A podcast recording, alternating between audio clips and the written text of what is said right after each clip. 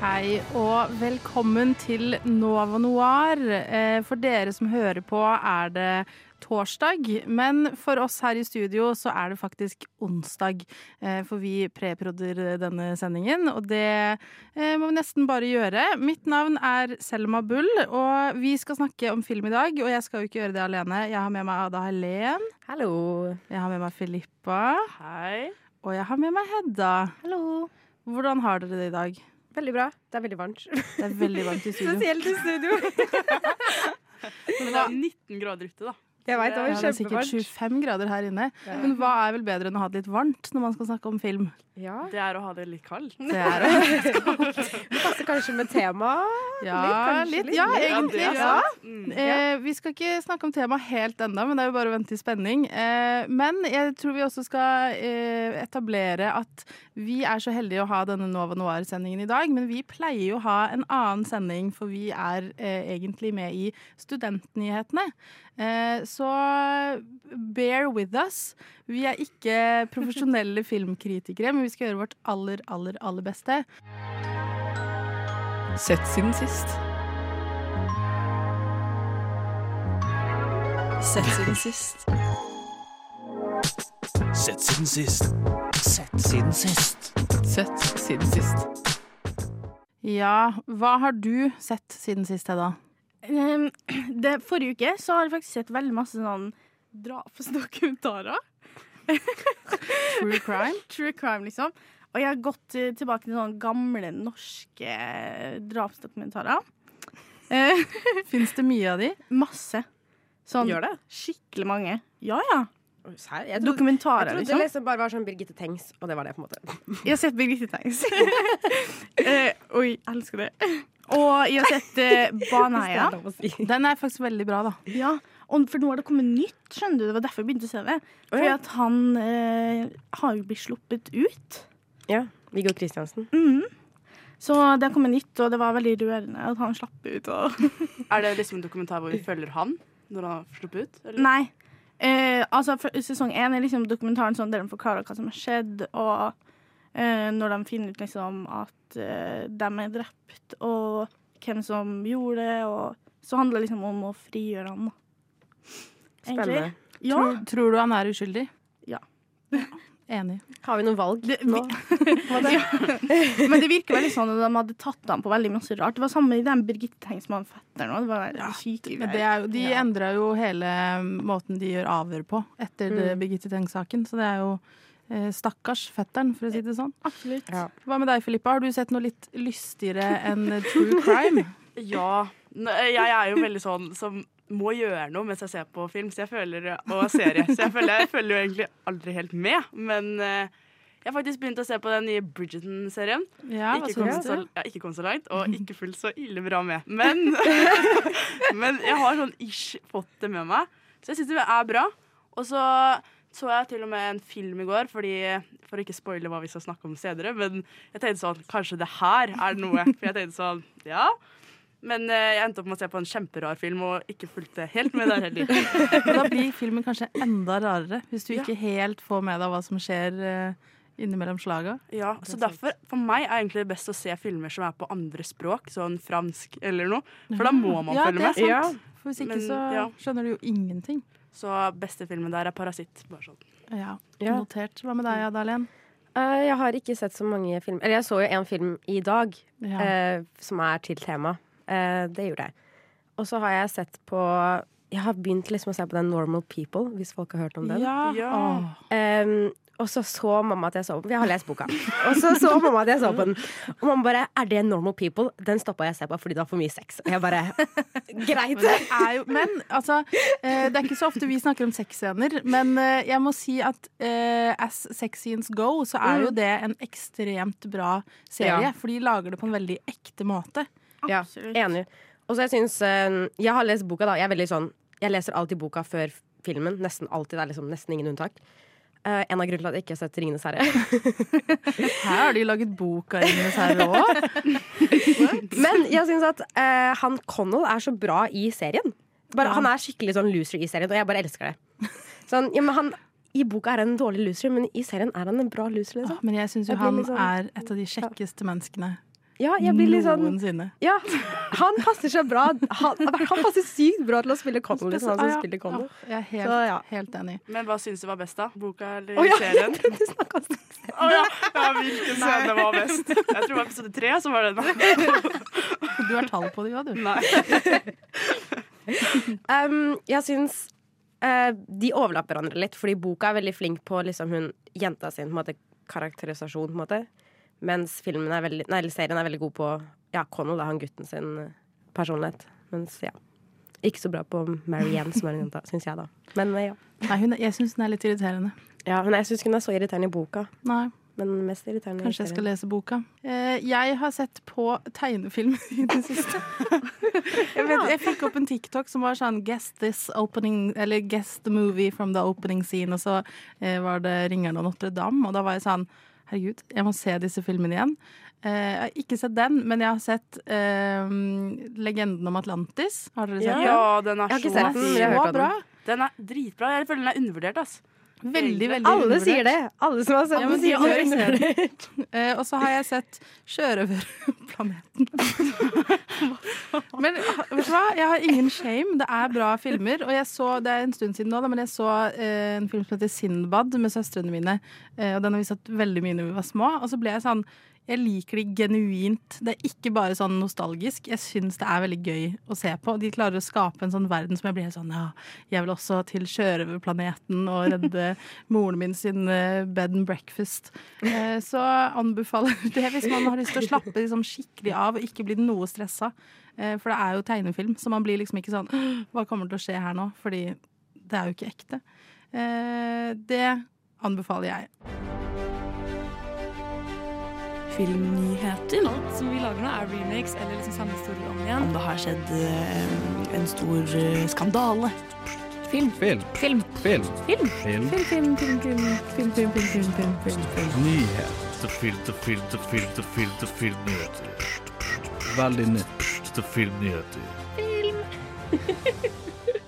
For en måned siden ble det bekreftet at det skal lages en Beetlejuice 2. Denne uka fikk vi vite at den skal premiere 6.9.2024. Det er Tim Burton som skal regissere oppfølgeren òg, og Michael Keaton, som spilte hovedrollen i første film, skal spille Beetlejuice i toeren også.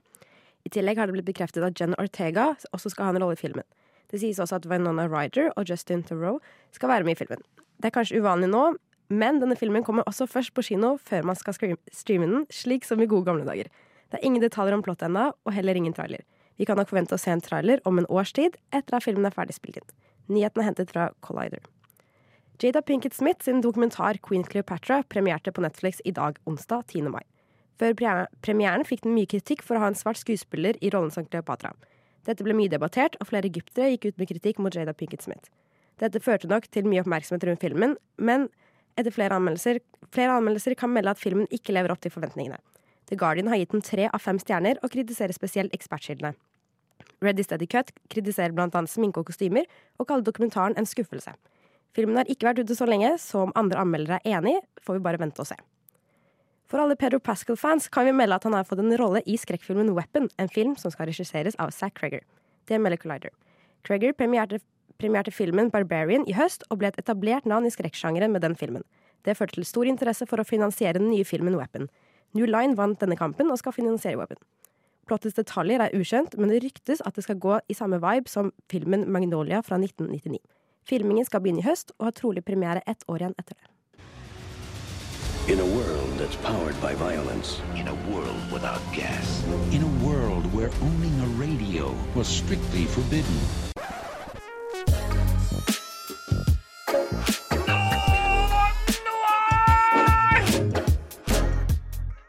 Ja vel, jenter. Hva tenker dere når jeg sier cringe? Det tenker jeg, da. Alle cringer for dere som bare hører og ikke ser. Eh, jeg har tenkt mye i dag på hva cringe egentlig betyr på norsk, eh, og jeg konkluderte med at det er kleint. Ja, Det tror jeg vi alle kan være enige i, egentlig. Det tenker jeg er greit. Og det er jo det som er vårt tema i dag, eh, nemlig kleine filmer. Um, og vi har jo valgt oss ut et par spesifikke filmer, men kan vi ikke snakke litt om hva vi på en måte Hva er det som gjør at filmer blir kleine for oss? Hva tenker du, Filippa? Nei, det var jo Det er jo det at man de prøver å få til noe, og så går det ikke. Og så Ja. sitter man og tenker sånn Å, jeg, jeg, jeg vet ikke, jeg føler at jeg føler en vond følelse inni meg selv av å bare være til stede. Og at noen har vært med på det der. Men uh... Ja, men jeg er litt enig i det, for det er litt det at man på en måte tar noe som ikke er så seriøst, og man tar, det man tar seg selv veldig Mm. seriøst. At filmen tar seg selv veldig seriøst, uten at det egentlig er det. Det er et godt poeng. Og da, da blir det veldig sånn overachiever, nesten, Ja. hvis det gir mening. Mm. Litt sånn at man prøver for hardt. Ja, try da, liksom. ja, den prøver litt for mye på en måte enn den klarer. Ja. Ja. ja, jeg vil kategorisere som det når det er så flaut at du liksom må sette på pause, for du klarer ikke Ja. å se på sånn ordentlig pute-TV, liksom. Ja. Ja. Pute-TV. Wow, for et begrep. Ja, og det, eh, altså, dette er jo også litt eh, subjektivt, vil jeg si. Mm. For det er jo forskjellige ting som får forskjellige folk til å reagere. Eh, jeg, de filmene vi har valgt, er jo Jeg får jo helt panikk bare av tanken eh, på filmene, fordi det er så mye forskjellig som gjør det. Men eh, jeg blir, hater sånn ubehagelige kjærlighetsscener når de ikke, når de ikke nailer det. Da kan jeg deale med det hvis de liksom får det skikkelig bra til, og jeg på en måte kjøper romansen. Men det sekundet jeg får litt mistanke om at dette ikke helt egentlig fungerer, og ikke hadde funka i virkeligheten, så får jeg bare sånn det, det skyter gjennom hele kroppen min, og jeg sitter liksom i spenn og er sånn åh, please, slutt å eksistere. Det er derfor casting er så viktig. Det er sånn, spesielt i sånn romanse. Sånn. Det må være kjemi mellom de to skuespillerne. Mm. Ellers så funker det bare ikke. Så bare Nei. ligger hele filmen død. på en måte Hva er den verste castingen kjærlighetsfilmmessig? oh, eh, Lett Passenger med Jennifer Lawrence og Chris Pratt. Herregud. den kom fort. Den, ja, ja, men, ja, men, ja, men sånn faktisk, liksom. Sånn, jeg syns Jennifer Lawrence er sånn Hun er skikkelig flink, liksom. Så bare se på Hunger Games. Det er Jennifer Lawrence, ikke sant? Hunger Games. Ja. det er i hvert fall hun som spiller Hunger Games. Altså, det er veldig bra, liksom, og jeg syns hun er flink skuespiller i mye annet. Eh, kanskje ikke Red Sparrow er akkurat det beste hun har laget, men eh, Hunger Games er i hvert fall veldig bra. Og Chris Pratt, jeg syns han er veldig sånn meh. Han er litt sånn sånn OK, greit. Ja. He's a guy, på en måte. Du fins. Men jeg bare syns de har så dårlig kjemi. Også når plottet på en måte i Passenger går rundt på det at han vekker henne opp, og da blir de på en måte nødt til å dø på det romskipet og sånne ting. Ja, spoiler alert. Ja, det kan vi jo også si nå, at vi skal snakke om tre eh, forskjellige filmer, og vi kommer til Ja. Å spoile ting. Eh, men jeg vil påstå at ingen av disse filmene lider så veldig av Nei. at du blir spoila. Ikke se Passenger, folkens. Eh, for det er ganske åpenbart hvilken vei eh, de skal gå. Eh, men hva tenker du, Filippa? Hva er den liksom Utenom de vi skal snakke om i dag, da. Hva er den kleineste filmen du har sett? Åh, hva het den igjen? Den She's All That? Nei, jo, Jo, var det den her? het? All He's He's All All That. That. Ja. Addison Ray-filmen.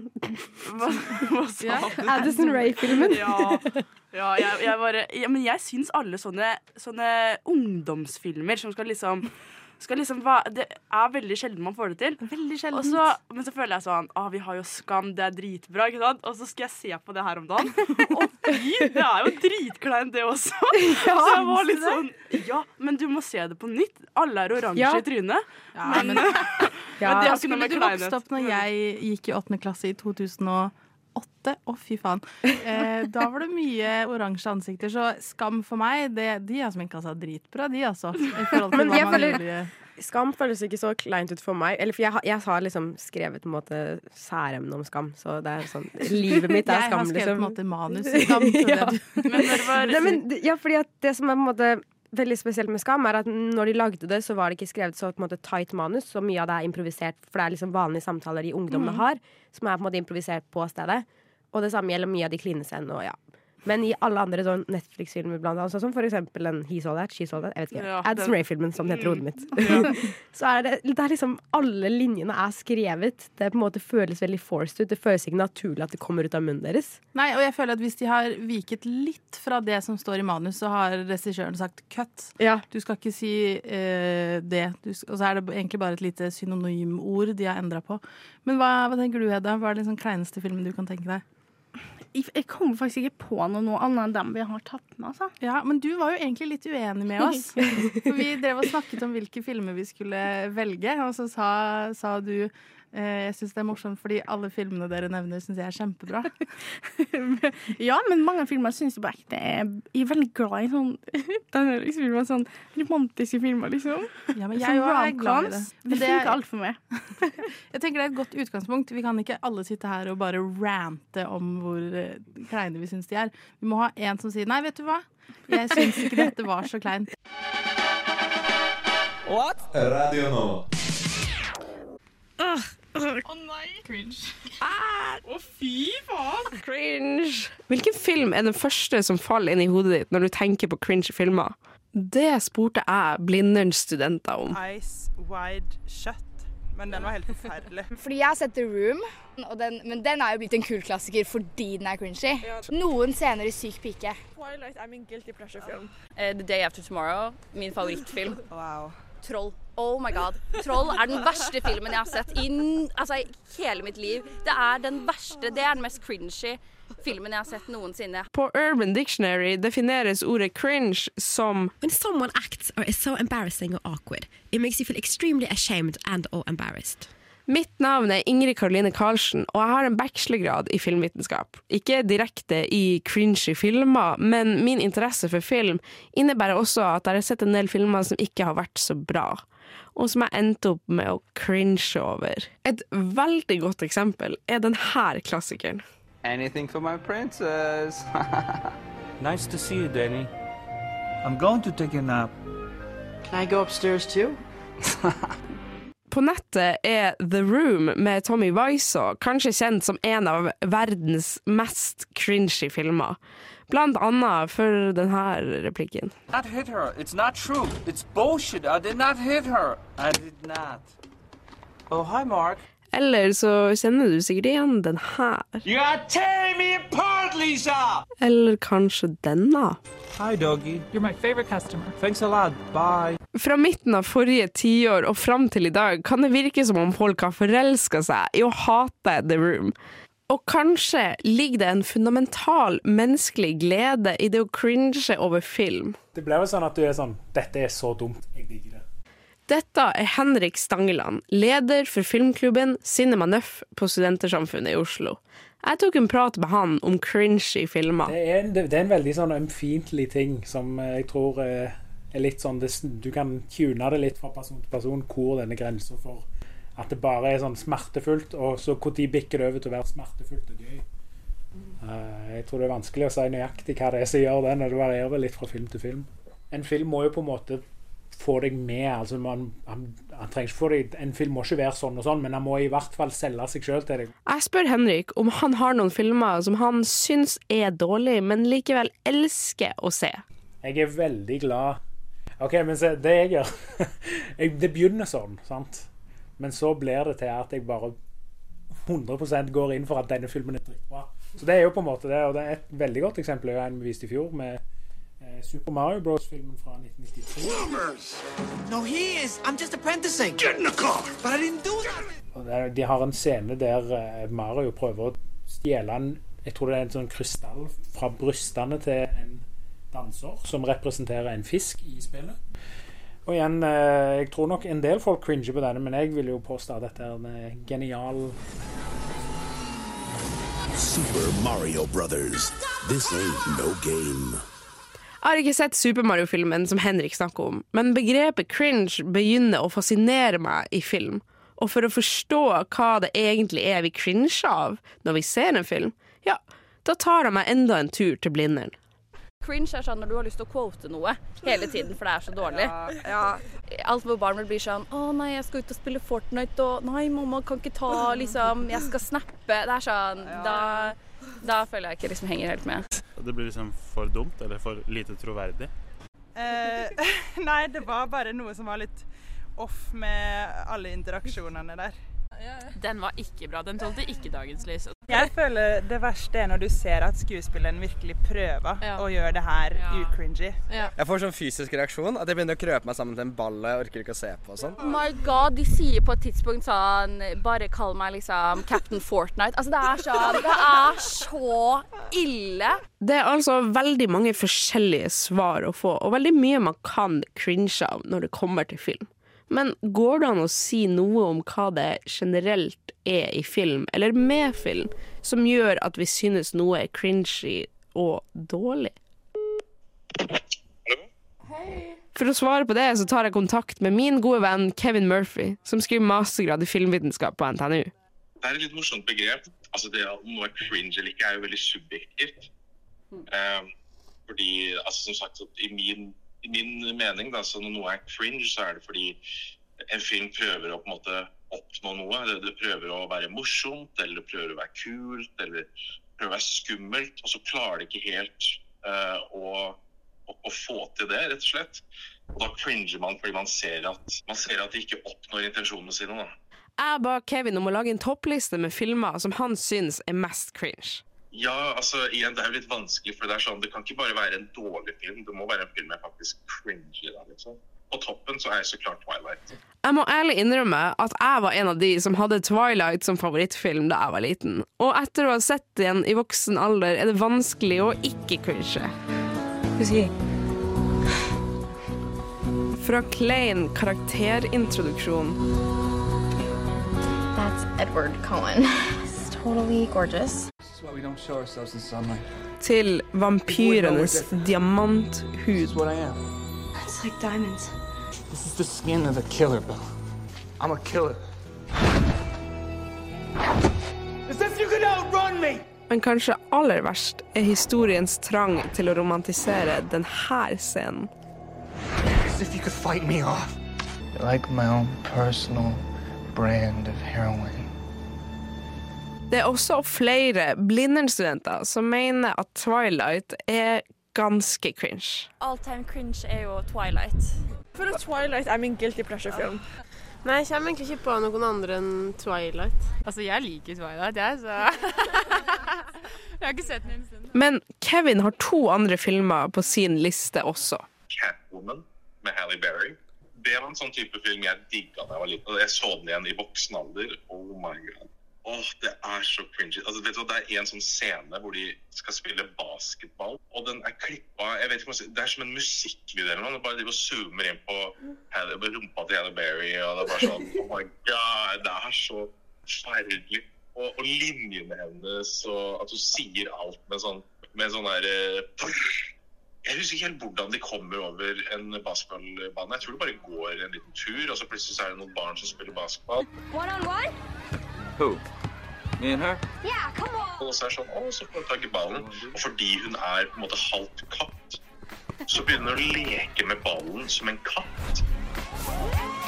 Min venn Kevins siste cringe-film er en som jeg forestiller meg at mange egentlig liker. Men vet du hva, neste, der kommer vi til en film som ikke er sånn um, tradisjonelt cringy, kan man si. Og det er Yesterday. Den mest utholdelige karakteren noensinne. Han har bare ingen positive sider. Eh, men uansett, det ender opp med at han på en eller annen grunn han, han krasjer på sykkel mens det er et lynnedslag. Og det gjør at alle har glemt at The Beatles fantes. Og The Beatles har plutselig ikke fantes. Det er, det er så tydelig at Danny Ball var sånn, vet du hva? The Beatles er det beste som noensinne har skjedd musikk. Hvis de aldri fantes, herregud, verden hadde vært helt. Men, men filmen tar som grunnlag at Beatles er bare utrolig musikk. Uansett i hvilken kontekst eh, man hører det. Så om en random dude bare kommer og spiller liksom Hey Jude og Yesterday, så kommer alle til å bare Å, herregud. What the hell was that? Yesterday. That was one of the most beautiful songs I've ever heard. Yeah. When did you write that? I didn't write it. Paul McCartney wrote it. The Beatles. Who? Dersom det går an å si noe oppsummerende om noe så subjektivt som cringing til filmer, så er det det at vi cringer når vi oppfatter at filmene vi ser, prøver på noe de ikke helt får til. Og om det er nok til at det bikker over i humor, kommer an på hvor lite filmen faktisk får til det den prøver på. You are tearing me apart, Lisa! Men det avhenger jo også fra person til person, og kultur til kultur. For eksempel så kan en norsk storfilm fra Netflix bli oppfatta som en utrolig kul film i utlandet, og kjempecringe her i Norge. Hva om jeg fortalte dere at for 1000 år siden vandrende troll omkring. Troll. Oh my god. Troll er den verste filmen jeg har sett i, altså, i hele mitt liv.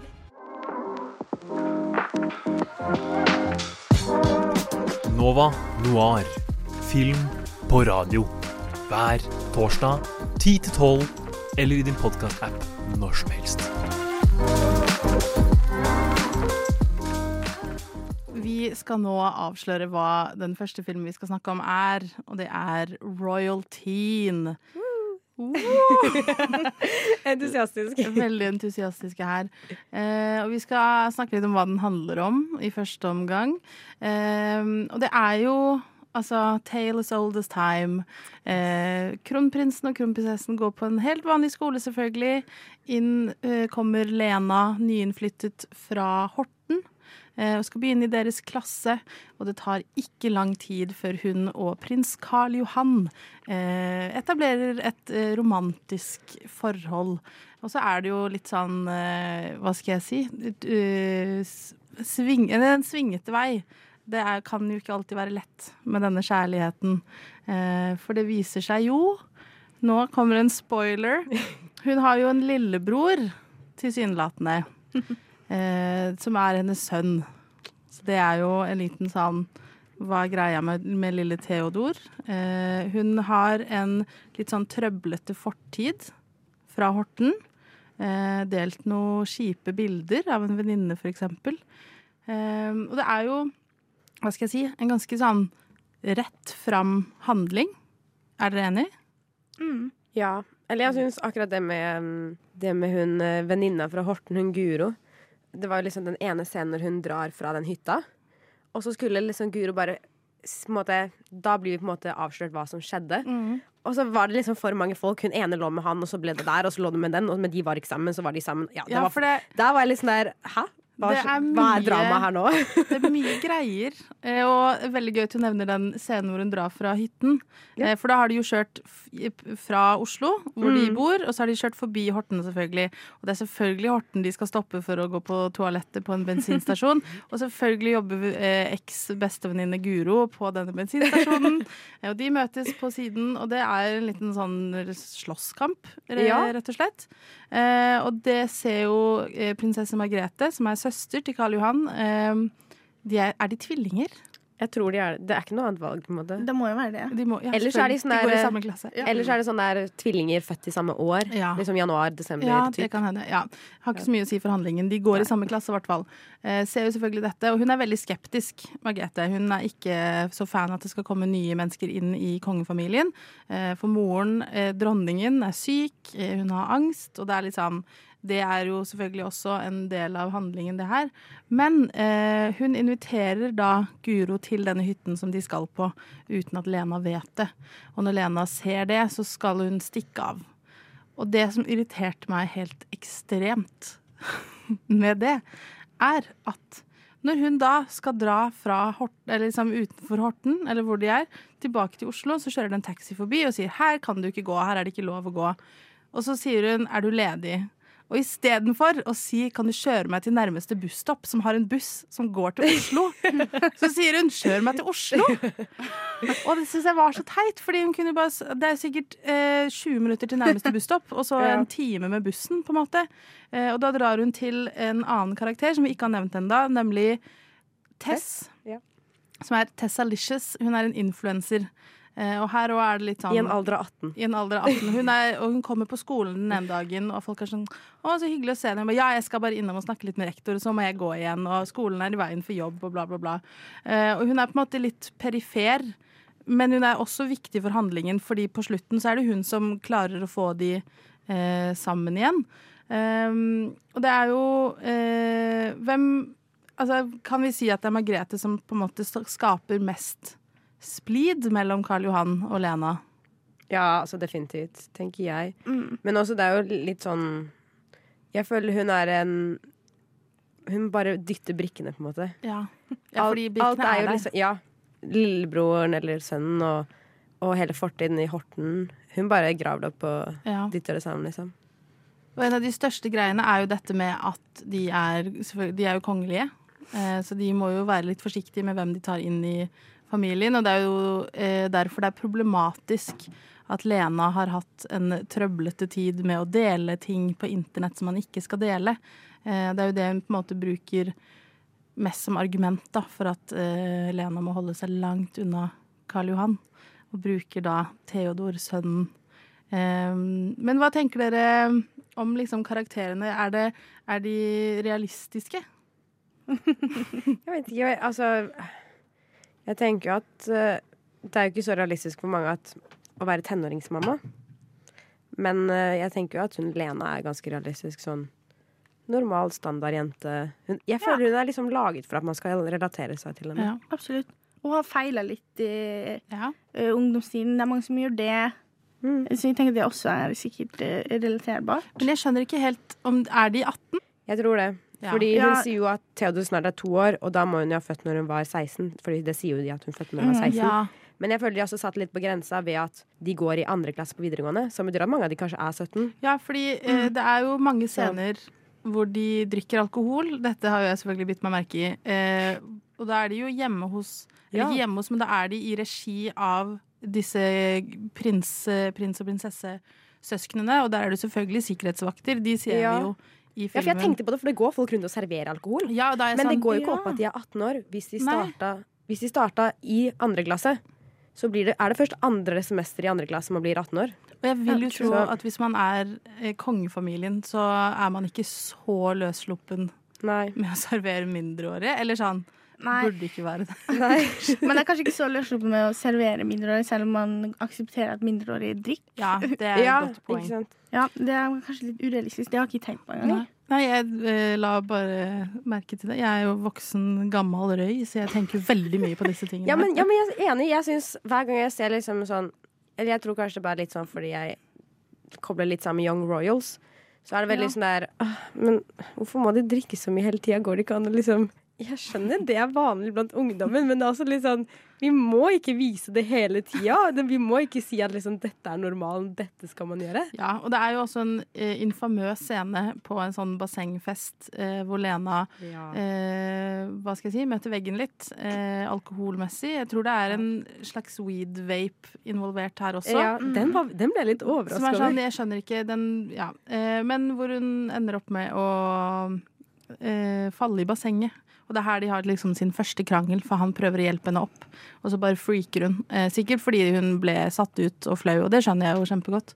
Eh, men da eh, har de sin første krangel, men så finner de jo tilbake igjen. Og så går de vekk fra hverandre igjen, og så ender de jo selvfølgelig opp eh, på skoleballet eh, med hjelp av Tessalicious, som har sydd om det jeg tror er morens brudekjole Ja. Eh, til en ballkjole. Eh, og en låt som er liksom gjennomgående i filmen, er 'Kom igjen, Lena' av Håkan Hellstrøm. Eh, og det hele på en måte slutter i en vakker scene hvor prins Karl Johan synger denne foran hele skolen på svensk til Lena, og så kysser de. Og the rest is history. Jeg gleder meg til dette kronprinsparet tar over kronen. Er Inglourious Bastards den beste Tarantino-filmen? Nei, det er jo ikke det. Det er ikke det. Det er, er det noen som mener noen av dere det? Nei. Sånn helt Ja. Du mener det? Ja. Film er best på radio. Nova Noir. Nei da, jo da, vi er her fremdeles. Og vi snakker fremdeles om Royal Teen. Og det jeg skal begynne med nå, før vi går inn i våre meninger, er at det hele eh, avsluttes jo ikke bare med denne sangen, men de eh, fokuserer plutselig veldig mye på Margrethe. Og det er jo fordi at det skal komme en eh, Royal Teen 2. Eh, som skal handle om Margrethe. Og den kommer faktisk for oss i morgen, men for dere som hører på, i dag, torsdag 11. mai. Eh, så det er jo bare å glede seg til å se den. Eh, hva syns du om denne filmen, Filippa? Nei, når jeg fikk beskjed om at vi skulle se på en film som var klein, så sendte du meg sånn Å, ikke se på Young Royals. Eller Young Royals skal alle se, og så skal du velge en film på tiden. Og da tenkte Ja. jeg sånn Å, det må være Royal Teen, for det Ja. er den kleineste filmen. Men eh, det var jo tydeligvis den her, da. Men eh, jeg syns den er eh, ubehagelig. Ubehagelig. jeg så den faktisk med en venninne, og så var vi sånn Stoppa den midt i, og så var vi sånn Skal vi se det her? Men vi endte jo opp med å gjøre det. Og nå sitter jeg litt igjen med en følelse av at jeg kanskje skal se toeren også, altså. Ja, jeg må det. Altså, Ja, det tenker jeg også at jeg må. Jeg så jo filmen i dag, Ja, men jeg jeg, skal jo innrømme at det var gang nummer to. For jeg har sett den før sammen med min kjære lillesøster. Eh, og når jeg så at det kommer en eh, etterfølger, så sendte jeg en rolig melding og sa ikke legg planer på fredag, vi skal se Royal Teen 2. Eh, så det, ja, eh, jeg syns, jeg syns den er kjempeubehagelig. Eh, jeg også. det er mange grunner Er det definisjonen på cringe, kanskje? Ja.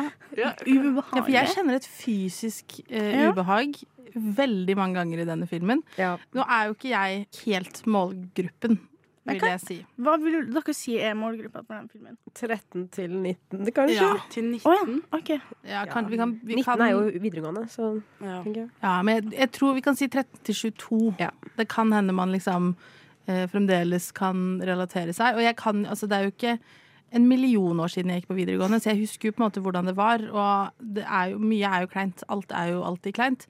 Eh, Det syns jeg er mest kleint med denne her, og det er litt ehm, Altså, hun har jo et barn, så hun har jo på en måte måttet bli voksen. Eh, Karl Johan, prins Karl Johan, Hans kongelige høyhet, eh, er jo kongelig. Så han er jo også en liksom voksen type. Mm. og det syns jeg er ubehagelig når tenåringsfilmer gjør karakterene mer voksne enn den alderen de skal være i. For da blir jeg liksom forvirra når de driver og kysser og har liksom disse kleine settingene. Men så i hodet mitt så er de egentlig ikke så unge til at det skulle vært så kleint, på en måte, hvis Ja. det gir mening. Men det er jeg helt enig i. Og jeg føler sånn Jeg har sett masse videoer Det må vi huske at jeg har sett masse videoer nå. Og det er sånn eh, Hvis man ser folk som spør på gata hvor gammel er du, og så sier de sånn Jeg er 08. Og så blir jeg sånn Ja, jeg. Jeg trodde du var like gammel som meg, liksom. Ja. så eh, vi må huske at man ser faktisk ganske mye eldre ut nå, føler jeg, enn det man Ja, gjorde man før. gjør jo det. Men jeg er enig. Det Ja. er dumt å ha for gamle folk. Og så syns jeg Karl Johan ikke Jeg vet ikke. Det er et eller annet med han som jeg får Jeg bare takler det ikke. Eh, jeg Jeg skjønner det litt. Jeg skjønner det. Jeg skjønner Spesielt når han, liksom, det første møtet vi får med han, er jo at han kommer inn i klasserommet og sier 'Sygne føderlandet' på en litt sånn gøyal måte, for han skal liksom kødde og 'jeg er prinsen', og, men jeg er helt vanlig, bla, bla, bla. Eh, og setter seg ned med Lena, og de begynner å prate. Og hun snakker om eh, Han sier 'Lene', så skal hun rette på han, og da tar hun opp denne sangen 'Kom igjen, Lena'. Eh, som er en ganske altså, han, Det er jo ikke en av de nyeste sangene, så det er ikke så rart at han ikke har hørt den. Så jeg skjønner ikke helt hvorfor de har valgt Ja, altså jeg kan forstå at de har valgt den med tanke på liksom, med den connection med moren som Ja. spiller den. Men hvis jeg skulle forklart navnet mitt til noen, så hadde jeg ikke brukt denne sangen, Nei. for ingen vet hvilken sang det her er. Um, så jeg, jeg tror for meg er det mye skuespillerne som gjør at jeg syns det er kleint. Det er ikke sikkert at Ja. jeg syns det var kleint hvis det var en annen som spilte Karl Johan. Eh, og jeg syns ikke nødvendigvis det er den beste skuespillerprestasjonen på noen, egentlig. Jeg tror den eneste jeg sånn genuint liker litt, er faren. Og han er jo selvfølgelig republikaner for å skape liksom enda en liten sånn eh, Hva skal jeg si Et lag til av at faren ikke er fan av kongehuset. Eh, Og moren er det, og blir liksom nervøs hver gang han kommer innom. Men Hva tenker du, Hedda? Du eh, liker jo kanskje denne filmen litt bedre enn oss andre. M mulig. jeg syns den filmen var Altså, det var jo en fin romanse der. Og altså Den er jo veldig klisjé. Det er klisjé-romansefilm. Um, men eh, liker det egentlig. Um, og jeg syns det var sykt plott twist. jeg hadde ikke sett deg komme. jeg hørte rykter om at Adeline hadde Du tenkte på at det, Ja. det kanskje Men jeg tenkte ikke litt på det. På at det var sånn- hennes sønn? Ja. Ja. Tenkte du det? Eh, nei, jeg tror ikke jeg var sånn ja, det er det. Men jeg, jeg la merke til at hun hadde veldig mye ansvar for sin egen lillebror. Ja, det var det jeg også var litt sånn der ah, Jeg burde kanskje lagt hun, var liksom sånn der, hun er litt sånn the second mom, tenkte jeg. Og, Ja. da, og derfor ble jeg på en måte ikke så overraska. Sånn, når det kom, det var sånn der ah, det, kunne, det kunne skjedd, på en måte. Men jeg ble på en måte sånn Jeg ble liksom på en måte tatt litt sånn på senga. Liksom sånn Å ja, jeg trodde virkelig ikke at de skulle gjøre det. Ja. Men jeg ble ikke sånn overraska over at det var en plot twist. Jeg tenkte at det var bare var en sånn uh, character trait. Liksom At hun bare var sånn omsorgsfull for lillebroren. Eller sånn uh, at hun kanskje ikke hadde så masse venner siden hun måtte flytte og sånn. Ja, ja. Men eh, Og det kunne jo vært. Så jeg, jeg ble mindblown, liksom. Hva faen? Jeg eh, syns jo den, den delen egentlig er litt unødvendig. Enig. For de klarer ikke å grave nok det var litt i det rart. til Ja. at det gir noe til filmen. Det tenkte jeg også, at de var sånn wow, men hva? Ja, du tenkte Sånn. på en måte ikke Det er ille nok at hun har delt eh, basically en sexvideo av venninnen sin til hele skolen. Det er på en Mm. måte nok til at hun er eh, At hun har en trøblete fortid. Du trenger på en måte ikke et barn når du er 16 eh, i tillegg. Ja, men det er det jeg syns er på en måte det, på en måte det er det som filmen bommer på en måte mest på for meg. Er at den prøver å ta for seg så mye, liksom. Ja. Fordi, ok, Du starter, hun kommer på skolen, og så kommer hun hjem. Og det første hun gjør når hun kommer hjem, er å ta av seg tørsta, og så liksom har hun en sånn bad body image, liksom. Hun står og ser på magen Ja, sin men det er jo fordi hun har fått barn. Ja, ikke sant? Men det er, også litt, det er også litt sånn Dette blir ikke tatt opp igjen. Dette blir ikke tatt opp igjen. Det blir ikke Nei, og hun er helt komfortabel når hun er i bikinien etterpå. ting liksom. Ja. Det er sånn, det er ikke noe, noe som er på en måte der. Det blir aldri tatt opp igjen. Og så er det det med barnet, selvfølgelig. Det, er sånn, det nevnes én gang, og så kommer hun ut med det, og det er på en måte Alle er sånn 'Å, så hyggelig', liksom. og, så, og det var det, på en måte. Det kunne jo heller vært at hun kom ut med liksom hemmeligheten om at hun hadde spredd den videoen eller et eller annet om venninna si. Det hadde jo vært ja, vært gøyere. Og så har vi også hun der eh, Ingrid, som er sjalu på eh, Kalle, eller Karl Johan, da, og Lena. Som også bare ikke blir tatt opp igjen, liksom. Som skjer helt til slutten av filmen også. At hun bare klapper sånn ah, OK, greit, da. De ble sammen likevel. Men det er sånn De prøver å legge så mye opp til den andre filmen, føler jeg. Det, det er lov å liksom starte nye ting i den andre filmen Ta det litt roligere Ja. og ta færre elementer. Men skal vi gi terningkast uh, før vi går videre? I og med at vi sitter og anmelder Oh. film her. Vi kan begynne med deg, Filippa. Du ser litt redd ut i ansiktet.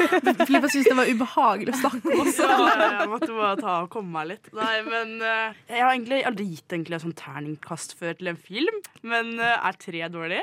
Er det det? Det er jo midt på Det er midt på treet. Ja, men da er det kanskje en toer, da. Nei. nei. Hvis du syns det var ubehagelig. Ja. Ja, jeg liker ikke terningkast. Man kan ikke komme noe mellom Ja. to og tre. på en måte Og jeg Ja. føler den ligger mellom to Ja, og tre. det må vi klare. Ja, men jeg tenker siden at jeg skal se toeren, så blir det en treer. En svak treer. Mm. Tre skråstrek to, går det an å gi? Det er sånn du kaster terningen, og så er det liksom, den vipper mellom Ja, to og tre. Og så er det sånn akkurat sånn på sekundet, så vipper den ned på tre. Skjønner du hva jeg mener? okay, er du enig med Filippa, da? Adelin? Ja, jeg tror Hva med deg, Edda? Altså, jeg gir den en firer, for jeg syns faktisk romansen var søt. Altså. Eh, jeg tror jeg gir den en treer. Eh, jeg, skal jo, jeg har jo sett den nå to ganger, eh, og jeg skal se toeren. Så jeg, så eh, ille kan jeg umulig synes at den har vært.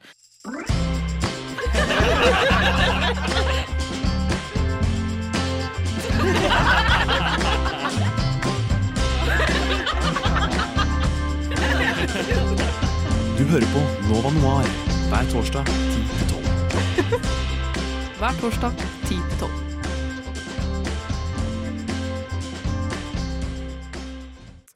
Da er det min tur til å snakke om min film, som jeg har valgt. Eh, Jeg tror alle her har sett den filmen. Stemmer ikke det? Jeg har sett den. Jo. Jo, alle har sett filmen. Det er en del av en trilogi, men vi skal bare ta eneren, da.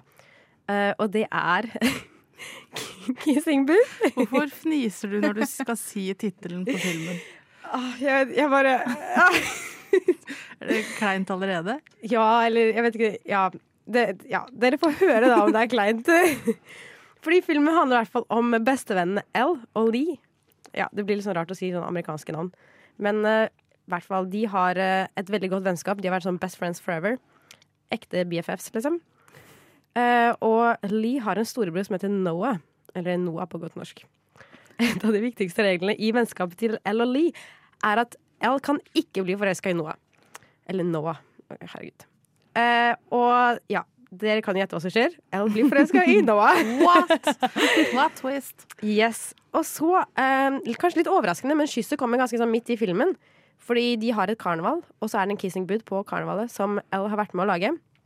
Eh, og ved rene tilfeldigheter så føres Noah og Elle sammen i et mind-blowing kyss. Det er liksom, De snurrer, og kameraene snurrer, og det går fortere og fortere, og de smiler, og lysene popper, og ja, alle jubler og filmer, og det er veldig sånn eh, det er litt trist at det liksom er klimaks i filmen, på en måte. Med tanke på at det bare har gått sånn 40 meter.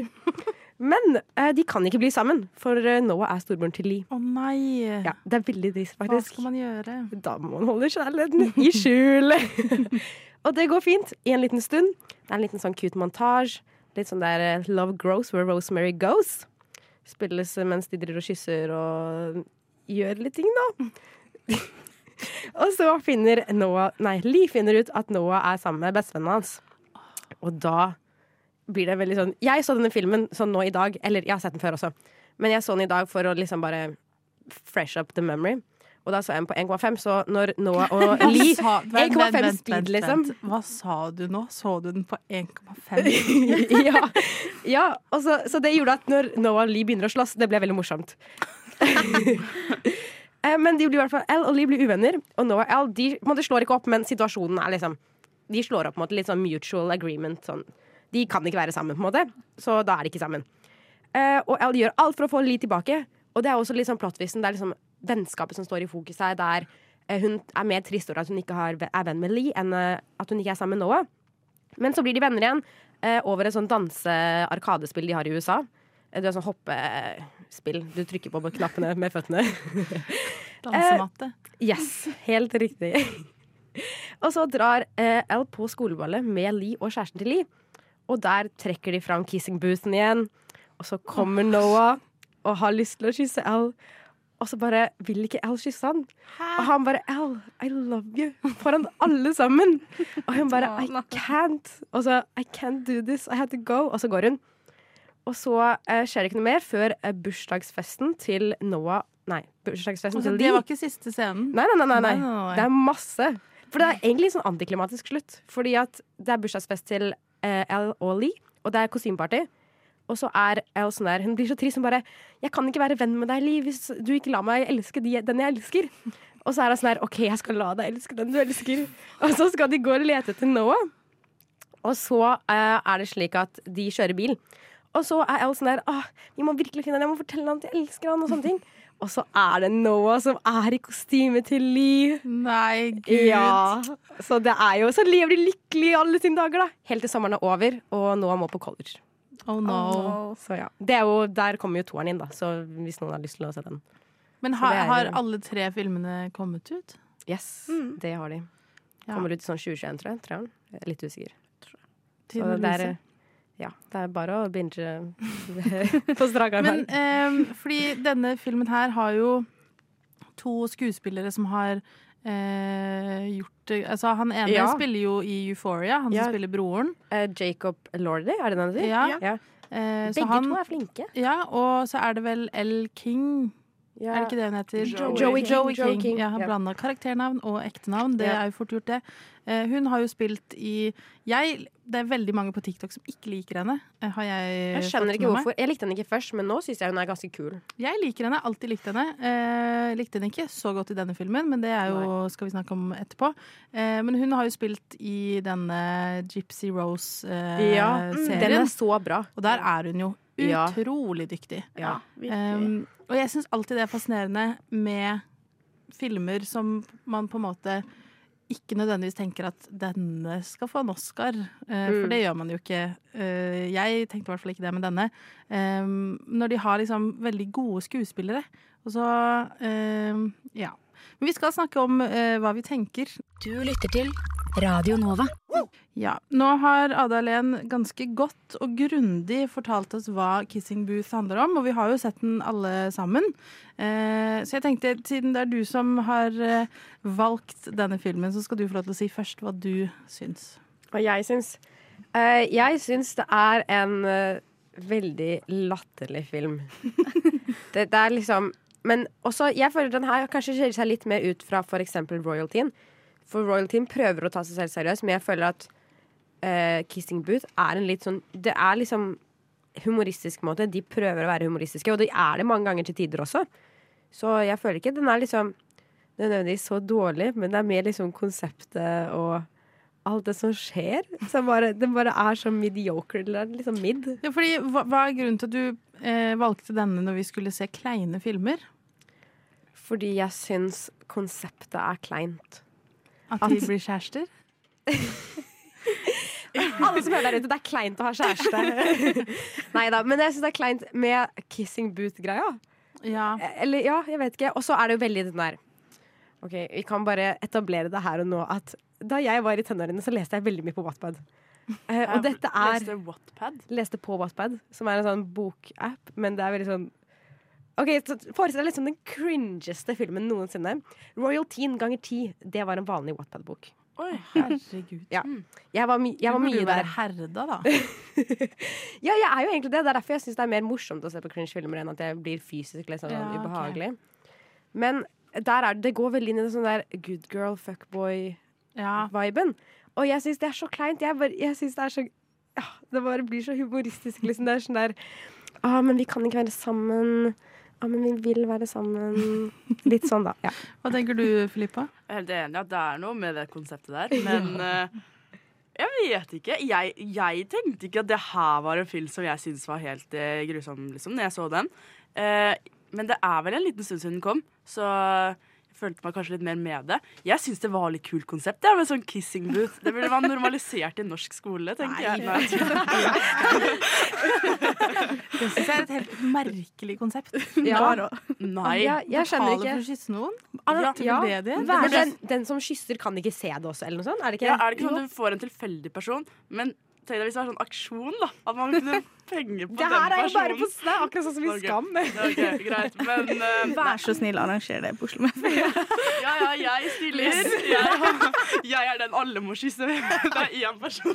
Lyttere som har lyst til å kysse Filippa. Kanskje studentnyhetene skal gjøre dette? Ja, ja, det syns jeg vi skal gjøre. Nei da, men uh, det er jo Jeg er enig, det er noe rart med det. Man skjønner liksom hva som skal skje. Det Ja. syns jeg ødelegger Ja. litt. For jeg syns det er litt spennende med sånn plot twist, noe som skjer. Men det er også gøy å si 'det der skjer', og så skjer det. Ja. Men uh, ikke den dårligste, ikke den beste. Nei. Hva tenker du, Hedda? Uh, altså, jeg elsker Kissing Booth. Kontroversiell mening her. Nei da. Men uh, jeg syns egentlig den er så koselig. Ja, men den er jo koselig. Ja. Egentlig. Og Sånn. Elle og Lee sitt vennskap kjempekoselig. Og så er jo eh, mm, mammaen til Elle eh, har vel gått bort. Mm, jeg tror det. Jeg jeg ja, helt. Hvis jeg husker rett, så har hun det. Og det er jo derfor hun er så god venn med den familien. Det syns jeg også er koselig. Og mora der liksom tar vare på henne. Og de er bestevenner, så blir hun så godt kjæreste med han. Og familien andre. Ja, men ja, Det er bare det- ja, men- himmelen, nå. Ja, men jeg, det har et poeng der, for jeg føler at vennskapet er en mye sterkere del av filmen. I alle tre filmene enn liksom det forholdet med Ja, og Ella Noah. jeg likte også det at hun liksom prioriterte faktisk vennskapet da Ja. over uh, kjærligheten. Mm. Um, fordi det var liksom viktigere for henne. Men selv om jeg også syns kjærlighetshistorien er koselig Også, da. Men kanskje det, kanskje det er litt sånn film som normaliserer det å være sammen med vennen eller broren til trenger, er det noe vi trenger å det er det. normalisere? Ja. Er det så mye stigma rundt det? Nei, jeg føler egentlig at det ikke er greit. Jeg føler ofte det er sånn. At du Ja, kan ikke gå for broren til en venninne eller noe.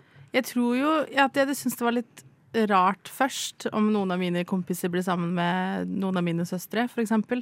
Men jeg, jeg tror ikke jeg hadde liksom vært sånn Nei, det kan du ikke Ja, gjøre. det er. Det er jo satt på spissen, altså. Ja.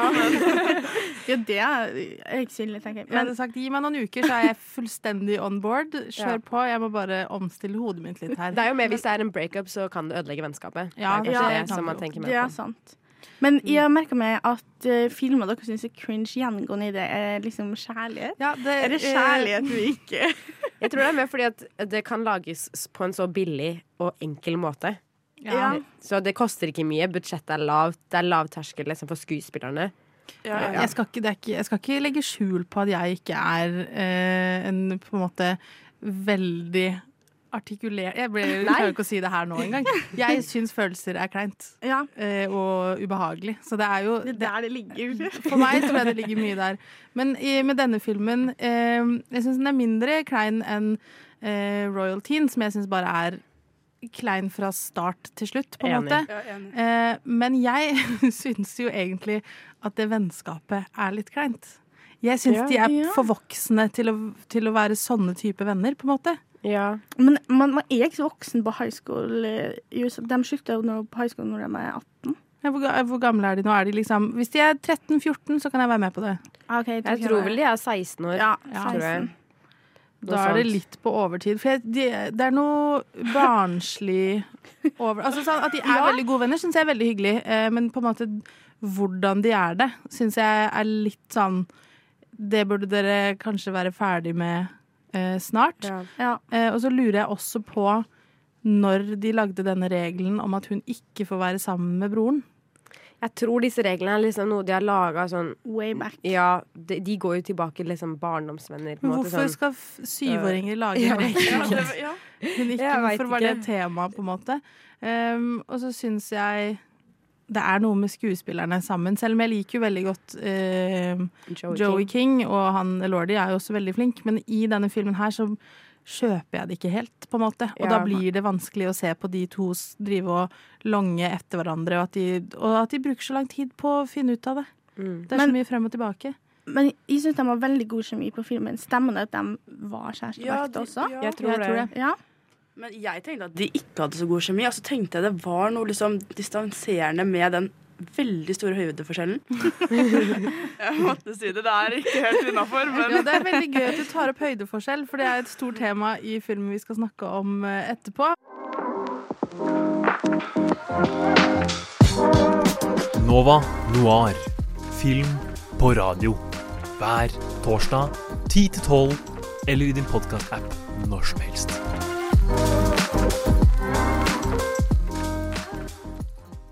Hedda, du har jo også valgt en uh, liten film, holdt jeg på å si, men den er jo Den er, den er veldig høy, denne filmen.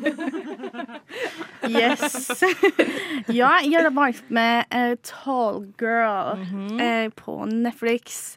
Eh, som da den filmen jeg synes er cringe, eller ubehagelig. um, så vi kan jo starte raskt med bare litt sånn sammendrag av handlinga på den. Har du aldri Mhm. sett den filmen? Nei, jeg har ikke sett den. Du har ikke sett Så den? Jeg har sett den. Ja, men da må du følge med, Adeline. det skal jeg gjøre. Så filmen handler da om Jodie, og at hun liksom alltid har vært den høyeste jenta på skolen og syns dette er kjempeukomfortabelt. Vi fant vel ut at hun var 1,86. 1,86. Um, ja. Andre på skolen har liksom gjort narr av høyden hennes og alltid vært veldig usikker på seg sjøl. Og det har ikke vært lett når hennes søster er jo da normalhøyde, da. Du må legge til at det er Sabrina Carpenter som Ja. spiller søsteren. Og hun er jo veldig, veldig lav, egentlig. Ja, hun er ganske lav. Ja, for det er, det er Ingrid Gren som blir Carpenter som spiller den rollen. Og hun har da vunnet masse skjønnhetskonkurranser og er liksom babyen av familien. da. Også foreldrene hennes er lav. så er det da Jack som er Jodie sin beste venn, og han er egentlig veldig forelska i henne. Men han er lav. han er lav. og da går jo ikke det, så klart. Så hun er ikke eh, noe interessert i ham. Men Men fordi han er lav? Ja. Eller pga. personligheten? Nei, for Han han er er egentlig kjempesøt. Ja, han er kjempesøt, men han er lav. Okay, men så, de, sier Men han er lav. eksplisitt, de sier eksplisitt i filmen at hun Jodie, er det det heter? Ja. Hun sier 'jeg dater ikke folk som er lavere enn meg'. Jeg vet ikke om hun har sagt det, men det, det er, Men det liksom, er veldig vil- tydelig. Ja, det er veldig tydelig. Men altså, så skjer jo det fantastiske. Det begynner en svensk utvekslingselev. Og som vi vet, så er jo alle fra Sverige drithøy og blond. Så hun får da et crush på han, som de fleste andre også på skolen får. Eh, Jodie får da en makeover av hennes søster og mor for at han da Stig skal legge merke til hun Og ikke bare bor Stig hjemme hos Jack, som skaper litt sjalusi fra Jacksons side, som har da lyst til å være sammen med Jodie. Men Stig blir raskt interessert i Kimmy, som er da Jodie sin mobber. Klassisk mean girl. Ja, Det er mye morsommere å høre oppsummeringen enn å se filmen. ikke sant? Eh, um, ja, så han blir forelska i henne, og det kunne jo ikke godt være for Jodie, men hun blir jo sammen med Jack til slutt. Ja.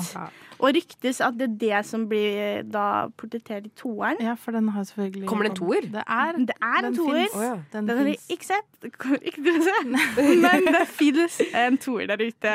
Det det gjør er det. jo eh, litt Altså, dette er jo det store og det hele, og så er det jo noen sånne små eh, eh, twists eh, inni filmen. Blant annet at eh, Kimmy, altså eh, Mean Girl, og hennes eh, venn, de tulleringer til Jodie eh, og later som at eh, han eh, svenske hunken eh, vil invitere henne på skoleballet, eksempel.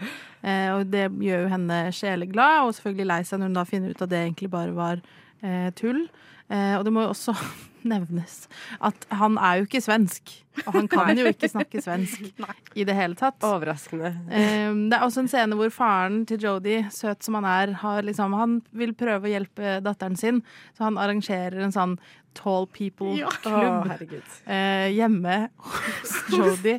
Når hun Jeg hadde et lite håp om at du skulle si at prøve å hjelpe datteren sin med kjærlighetssorg eller et eller annet. Oh, nei. Men det bare måtte være Nei, nei, nei sånn, nå skal jeg finne en støttegruppe for andre som er den syke høyden 1,86. Ja, det er høyt, men det er liksom ikke Det, det er ikke Guinness rekordbok høyt. Så inviterer masse høye folk da hjem i deres hus, og de må liksom bøye seg. Det er Altså. utrolig fascinerende, fordi familien hennes er ganske lave. Så det blir bare sånn veldig merkelig dynamikk og litt sånn vondt eh, å se på. Tenk deg å eh, bli casta til det. Sånn, Ja. Du er høy, du er høy. nok. Det er Bare gå inn der.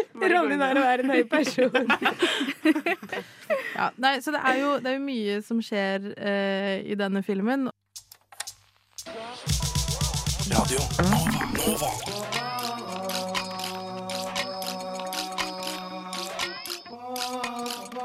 Siden 1982 har Radio Nova gitt deg favorittmusikken din før du visste at du likte den. Hva tenker du, Hedda? Hva syns du om Tall Girl? Ja, nå har jeg en lang liste her. Eh, jeg syns filmen generelt er klein, eller cringe. Eh, som jeg nevnte i stad, skikkelig pute-TV. eh, så altså dette Har dere hørt det begrepet? Nei, jeg trodde du lagde det. Jeg ble veldig Ja, imponert. det er ikke vanlig, Nei, det, det er ikke et begrep. jeg Dessverre har jeg ikke lagd det selv. Altså at du må liksom si det med en pute foran Ja. trynet, liksom, fordi Det går ikke an. Det går se på Jeg trodde det var liksom at du slappa av så mye, eller sånn at du liksom Det var så slapp av at Jeg kan liksom jeg kunne ligge. Ligge og liksom Kanskje jeg sengen. begrepet, Ja, jeg, jeg tenkte det du Ja, sa. ja pute-TV de luxe. Men jeg følte pute-TV da litt mer skrekkfilm, egentlig. Ja, det kan man også si. Men sånn, jeg, klarte ikke å se på den filmen. Ja. Det, Denne er jo så klein at det nesten blir skrekkfilm. Ja, ja. Men jeg føler den der, dette er en sånn så klein film at dere har sagt dere ikke har lyst til å se toeren engang. Ja, Men vi er men- ikke der på royalties, liksom. Så dette er jo Men den er veldig funny, da. Men, så, men filmen starter med at hovedpersonen sier, altså Jodie, da Sånn, du tror ditt liv er hardt. Eh, jeg har Nei, serr? ja, du tror ditt liv er hardt. Eh, eh, jeg er en high school junior som bruker skostørrelse 13. Mann 13. Slå det. Tenk sånn. Jeg tror folk har det verre. Ja, det tror jeg. Ja. Nå skal man ikke undergrave sine egne følelser om at folk har det verre, men altså, hvor ille er det? Altså, De må lage en hel film om hvor jævlig det er å være 1,86. Ja, og det Er det ikke litt slemt også, har jeg tenkt? Ja. Det er også det største problemet jeg har med denne filmen, og det er jo eh, grunnlaget for at jeg syns det er så utrolig kleint, annet enn at det er Altså, det her er jo en dårlig film, på en måte. Eh, men det er nettopp det at de For jeg ser så godt hva de prøver å gjøre. Det er liksom at man skal være glad i seg selv, og Mhm. hele filmen slutter jo med at hun har på seg høye hæler på skoleballet. Ja. På en måte, Og at søsteren er sånn Du må embrace den du er, og liksom Og så vandrer hun inn og er enda høyere enn hun vanligvis er, for hun har tatt på seg høye hæler. Og det er jo på en måte flott, det. Men hvor, hvorfor skal vi, når vi da skal eh, fremheve ting folk syns er ubehagelig. Eh, som Det er jo jenter og gutter for så vidt som er eh, usikre på høyden sin, spesielt når man går på ungdomsskolen og videregående. Men er veien å gå å lage en film som på en måte problematiserer det, og har utrolig mye fokus på at hun er veldig høy? Hadde det ikke vært bedre om de bare lagde en helt vanlig film, og så tilfeldigvis Var hun høy? er hun høy? Ja. Uten at man snakker så mye om det. Ja, for det virker som liksom, altså, å være høy på ungdomsskolen er det jævligste i verden. Du er jo i kjempelav, så kan du ikke Jeg vil ikke ha så masse å si på, liksom, men sånn Nei, men brått sitter det noen der og er kjempehøy og aldri har tenkt over at det er noe man trenger å være usikker på. Og så er man sånn Oi, vent nå litt her nå. Sånn, Hva er det store problemet med å være så høy? Altså, for det virker som det er liksom Er det partnervalg? Altså, svensken trenger jo krakk for å kysse henne. Nei, det er jo Nei, han det er Jack, han som har med som må ha krakk. Men er det liksom det som er um, det, For det virker som det er det som er liksom problemet med å være høy. Fordi å nei, å nei, du kan jo ikke være høyere enn kjæresten din. Ja, det gir ikke mening, på en måte. Sånn, altså, hvis, hvis en som er høyere enn meg, kysser meg, så bare bøyer han Ja, seg men- ned. Hvorfor kan ikke Her klatrer du de går på krakk. Tar du ikke med det? Jo, men det, det henger jo sikkert litt sammen med at uh, Altså hvordan samfunnet er bygget Ja, ja, opp. selvfølgelig, men- ja, men- skal men være store og sterke. normalt. De skal beskytte kvinnene Ja. som er små og sarte. Uh, så det er jo det det på en måte kommer til. Men samme det.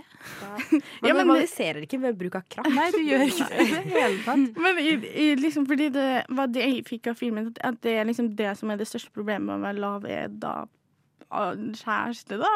Ja. Ja, men jeg er eh, litt Ja? høyere. Jeg er eh, To meter og 15 Ja. centimeter. Si det høyt. Nei da. Men eh, jeg kan relatere til at det jeg kjente på det på ungdomsskolen. Altså, at, Ja. Men det var liksom ikke det sånn å, jeg må ha en gutt som er høyere enn meg. Men det var mer det at jeg var usikker på meg selv, og så er jeg liksom veldig høy. Ja. Og da Mhm. syns man jo enda mer. Ja. I en crowd. Det er jo en klassisk greie. Mm. Jeg har søstre som også er høye og ble fort høyere enn guttene i klassen. Og jeg husker det var noen år hvor de gikk veldig krokbøyd Mhm. for å liksom prøve å yeah. komme ned på nivå. Eh, Så jeg, jeg prøver ikke å undergrave at det er noe man er usikker på. Eh, Jeg bare syns det er kleint å skulle prøve å løse dette problemet eh, og liksom hylle det ved at man lager en film hvor det er utrolig mye fokus på det. For jeg tror på en måte ikke det nødvendigvis er det eh, man har behov for. Ja, jeg er helt Nei, den belyser bare masse problemstillinger med å være høy, som kanskje folk som er høy, ikke engang har tenkt på. Ja, Sånn at så- man kanskje lager komplekser, vet ikke. Ja, jeg, jeg føler sånn høyhæler har jeg hørt lenge er sånn du, Er du for høy for det? Er, Ja, ja, sånn, absolutt. Men sånn med en krakk, den syns jeg var litt på kanten. Ja, men, ja, 1,86 er høyt, men hun, er ikke, hun har ikke bikka to meter, på en måte. Nei, og han er er ikke så lav heller. Så, eh, men jeg syns også noe som er veldig kleint, og det nevnte jeg jo i stad, eh, og det er jo en klassisk greie når de skal ha en karakter som er svensk. Ja, det er det neste på lista. Hvor vanskelig er det å finne noen som kan svensk i Hollywood? Men snakker han svensk i filmen? Ja, det er Ja. en gang hvor han sier noe utrolig merkelig. Og det er faen ikke svensk. Det er sånn wait a baby, wait a baby. Ja, Det er liksom ikke et eneste ord der engang. ja, men jeg tenkte på samme Hvor vanskelig er det å finne noe som er svensk, og da kan ha en liksom svensk amerikansk aksent også. Men, Ja. og, men hvis man må formodentlig da absolutt ikke klare å kaste en svenske, hvor vanskelig er det å lære den gutten en setning på svensk? Ja, du kan høre det på Google Han liksom. kan øve seg, liksom. Ja, men- det kan bli bedre enn det der. Det virker jo som de har prøvd, og så er det sånn ja, Hvem er denne de prøvd personen? godt nok. Ja, hvem er Ja. den personen som skal ha lært den personen? Ja. Hvorfor sier ikke det? Han Det er er helt feil. Ja, de har jo Ja, de har jo sikkert Jeg lover deg, i den gigantiske byen som er LA, eh, så er det én person som kan svensk, som kunne fått to timer med han Callen. Ja. Callen, faktisk. Jeg tar fra deg, Filippa. Eh, og kunne lært han svensk om de ikke hadde funnet en de kunne caste i Ja, nei, åh. Jeg syns eh, Jeg blir klein av å tenke på denne filmen. Det er, det er mye eh, å ta i, og mye kommer tilbake til skuespillerprestasjoner, syns jeg. Mm. Um, jeg har sett en del filmer med Sabrina Carpenter, og jeg syns hun hver gang Så tenker jeg, hold deg til musikken. Der gjør du det kjempebra. Please, slutt å late som du er skuespiller, for det er et eller annet med henne som jeg bare blir helt sånn åh, nei, Ja. slutt å snakke. Men alt i alt, egentlig Altså, filmen prøvde jo på masse, og eh, det er jo en fin ting å belyse at jen- mange jenter er usikre på uh, høyden sin. Ja. Um, men dette var ikke riktig måte, Nei, tror jeg. dere fikk det ikke til. Ja. Um, og vi har jo nå snakket om tre filmer. Og alle filmene er Netflix-filmer. Ups. jeg tror Jeg vet at Kissing Booth og Tall Girl er liksom Netflix-produksjoner. Mm. Ganske sikker på at Royal Royaltyen også er det. Eh, Det er vel Netflix sånn at det Norge. blir Ja, Vi kan eh, gjøre kjapt Google-søk. Veldig sakte Google-søk på det. Um, og hvis det da stemmer, nå venter vi alle i spenning. Jeg føler Man får mer fame hvis man bare er fra USA. Og jeg føler de andre har fått masse følgere på Instagram, men hvor er følgerne til de fra jungetiden, eller hva? Det, ja, det er en- en Netflix-produsert film, Ja. eh, alt de funnet av. Og den gikk jo ikke på kino, den kom jo rett Det på, var rett på streaming. rett på Netflixen. Så vi har jo, ja, Netflix har fått kjørt seg i dag, og jeg tror Jeg har en teori om at de gjør det litt med vilje. Ja, Jeg tror de vet at folk kommer til å snakke om det fordi at den enten er litt dårlig, eller at den er klein, eller at den eh, er noe annet. Og det er på en måte businessmodellen de har. For de lager jo eh, dokumentarer, for eksempel. er de kjempeflinke på. Og Ja. produserer masse andre ting som er sånn De har laget mange bra filmer. ja, Mm. eh, så jeg, vi vet jo at de kan. Eh, Så jeg tror at de liksom gjør det med vilje. Og det funker jo. Vi sitter jo her og har viet en hel sending. to timer har vi sittet og snakket om liksom cringe filmer, og så har vi klart å finne tre som alle er produsert Men jeg tror også at Netflix eh, produserer masse filmer. De gjør det. Eh, så det er sikkert litt også kjapt og billig, Ja. kanskje? Og så er det jo noe folk trykker på, faktisk. Man får, ser det jo. Vi hadde Ja. jo sett mange av de her fra før. Ja, sett alle tre fra før. Altså, hva sier det om meg? ja. For de kommer jo øverst på Netflixen, og da OK. Ja, det er jo en sånn ond sirkel at folk snakker om det, du blir sånn «Nei, Jeg hadde ikke tenkt å se den. OK, kanskje jeg ser den. Du snakker om det med enda flere folk. Ja. Snakker om det, så blir det bare mange som snakker om det. Ja. Og i hvert fall med den eh, He's All That, som vi også har snakket om, som er en Mm. reboot av She's All That, som Ja. er en kjempebra film. Uh, rebooten er jo da med Addison Ray i hovedrollen, som også Hold deg til TikTok, vær så snill. Fordi wow, det er ikke en god skuespiller. Du hørte det her først. um, men uh, den er jo For der vet Der kan de ikke ha gjort noe annet enn å ha gjort det med vilje. For den er noe av det verste jeg har sett, og den er så klein. Alt, absolutt alt er kleint, og det blir som en parodi av å lage en klein film. Pluss at det er jo en lang reklamefilm, bare. Det er så mye produkt, sånn produktplasseringer. Nei, vi får helt uh, vi får, nei, å, Nå klarte jeg ikke å prate. Vi får heteslag. Vi får heteslag, det har vi faktisk. Ja, det um, Ikke lag vi da. Cringe overload. Nei da. Nova Noir. Nova Noir. Uh,